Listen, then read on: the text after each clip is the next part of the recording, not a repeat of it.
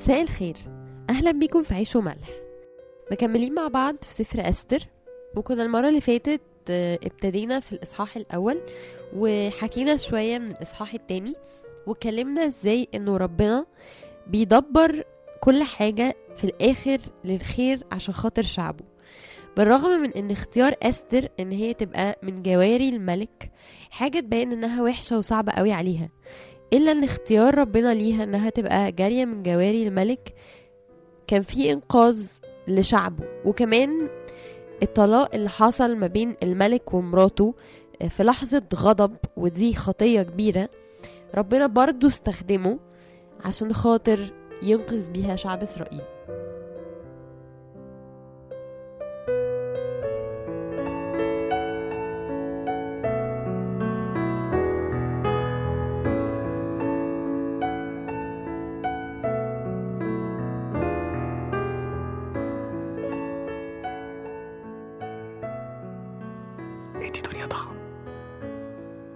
عايزين نحكي مع بعض شوية من اللي حصل في الإصحاح التاني في آخره ونقرأ في الإصحاح التالت. الإصحاح التاني بعد كده آه، بيكمل زي ما كنا حكينا إنه بعد ما الملك بيطلق مراته بيجوا الناس اللي حواليه وبيقولوا له نقي لنفسك جواري واقعد معاهم فترة من الزمن وبعد ما تنقيهم اللي تحلى في عينيك تتجوزها. وفعلا بيجيب الملك جواري كتير عنده في القصر. وفي الآخر آه، بيختار واحدة منهم اللي هي أستر عشان تبقى الملكة بتاعته. وبتملك أستر اللي هي أصلا يهودية على مملكة فارس. وبيحكي الإصحاح وفي آخره في آية 21 إن مردخاي كان في يوم قاعد عند باب الملك وسمع ناس بتتآمر على الملك وبتقول إن هي عايزة تقتله. فعرف الموضوع ده وراح قال لأستر الملكة وأستر قالت للملك والملك أمر إن الاتنين دول يتصلبوا ويموتوا. ومردخاي وقتها اسمه اتعرف عند الملك وهو أنقذ يعني حياته. بيقول آه، بداية الإصحاح الثالث آية واحد بعد هذه الأمور عظم الملك أحشويروش هامان ابن همداثة الأجاجي ورقاه وجعل كرسيه فوق جميع الرؤساء الذين معه. فكان كل عبيد الملك الذين بباب الملك يكسون ويسجدون لهامان. لأنه هكذا أوصى به الملك وأما مردخاي فلم يكسو ولم يسجد. بيبتدي الإصحاح الثالث بيحكي لنا إن في واحد اسمه هامان ده كان من حاشية الملك. الملك رقاه وعظمه فوق كل الناس أو الحاشية بتاعته. كانت كل الناس بتيجي تسجد قدام هامان ما عدا مردخاي اللي رفض إن هو يسجد قدامه. يا ترى اشمعنى مردخاي رفض إن هو يكسو أمام هامان؟ وإيه سر الموضوع ده؟ مردخاي طبعا كان موجود في محضر الملك أكتر من مرة.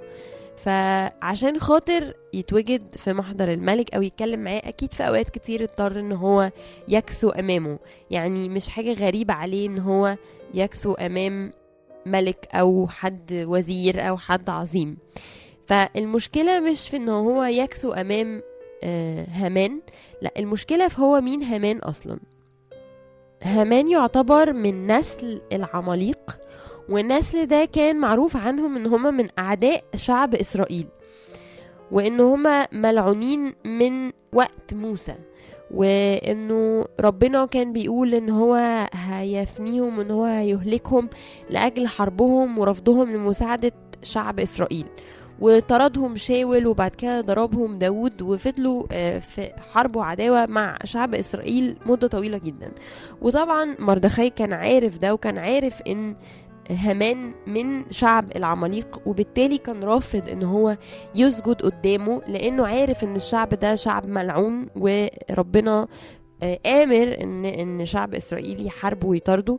وده ما كانش أمر جزافي وخلاص لأ ده كان أمر مسبب لأن شعب العماليق كانوا عاملين زي قطاع الطريق. يعني كانوا منتشرين في الأرض كلها وكانوا بيقتلوا وبيحاربوا في شعب إسرائيل وشعوب تانية. عشان كده ربنا كان غضبان ومتضايق منهم جدا بسبب خطيتهم الكبيرة. ادي دنيا ضخم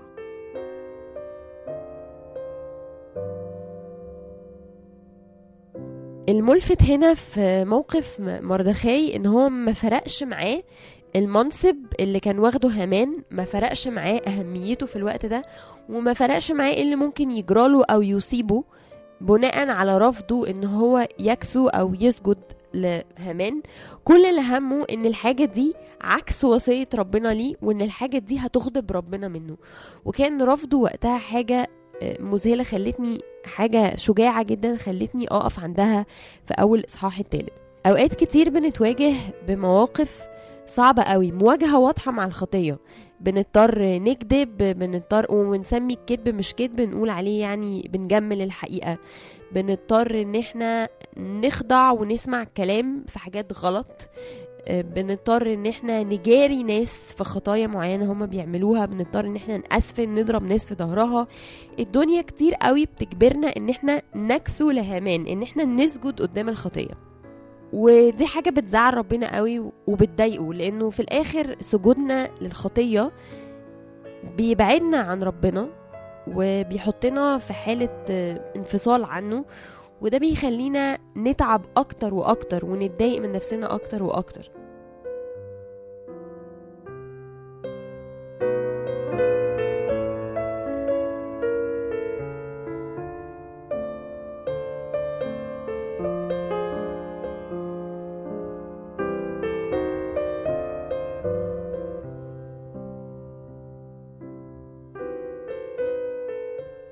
لما شفت موقف مردخاي ورفضه إن هو يسجد لهامان افتكرت على طول يسوع. في إنجيل لوقا الإصحاح الرابع كلنا عارفين تجربة يسوع على الجبل.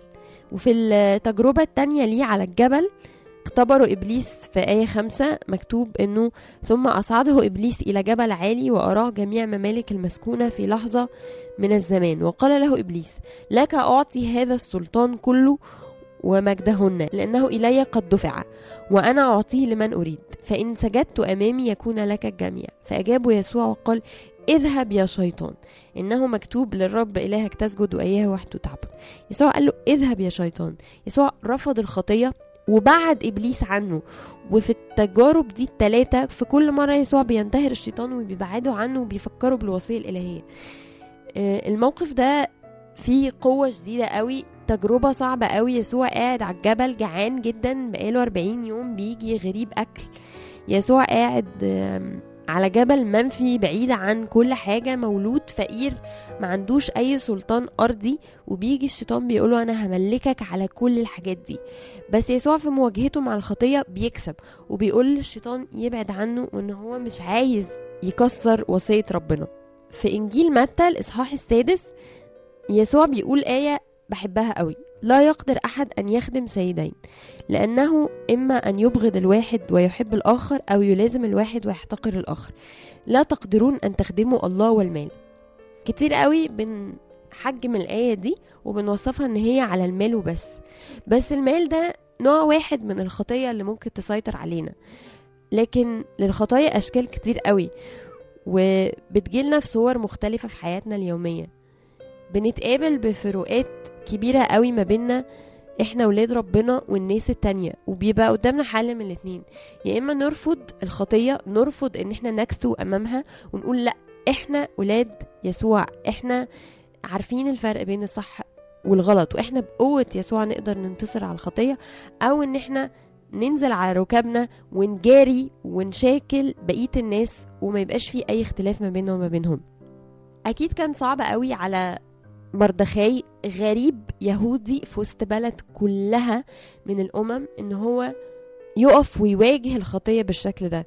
طول النهار بنتحط في حياتنا في مواقف بالشكل ده. نفسي وقتها نيجي نفتكر اللي قاله لنا يسوع إن ما نقدرش نخدم سيدين.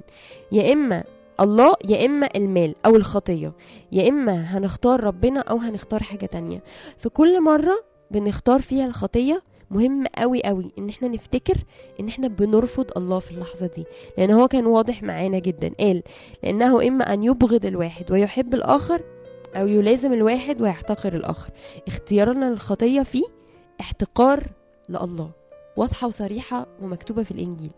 أنا عارفة إن هي حاجة صعبة وإن ده كلام مثالي بس يمكن ده بيساعدنا. يمكن ده يدينا فرصة إن إحنا نقف واقفة مع نفسنا وفي كل مرة بنستسهل فيها إن إحنا نكذب أو نجمل الحقائق بنستسهل فيها إن إحنا نخاف أو إن إحنا نهرب نقول لأ أنا مش هستسهل. لأن استسهالي ده وخضوعي قدام الخطية في احتقار لربنا. وحتى لو ده حصل واستسهلت مرة لازم أرجع وأتوب وأقول يا رب أنا آسف إن أنا احتقرتك. أنا آسف لأن أنا اخترت الخطية عليك يا رب. اخترت إن أنا أهرب من وجهك و... وإن أنا أجثو للخطية. وارجع واتوب وأقول لا أنا هقف على رجليا تاني. أنا ليا تغيير في المسيح ليا إن أنا أبقى مختلف. أنا أقدر إن أنا أبقى زي مردخاي وأبقى مختلف في وسط شعب من الأمم. أقدر إن أنا آخد موقف وأقول لا أنا أرفض إني أجثو لهمان لأن أنا عارف إن ده عكس أمر إلهي ليا. أشوفكم الحلقة الجاية ونكمل مع بعض. سفر أستر.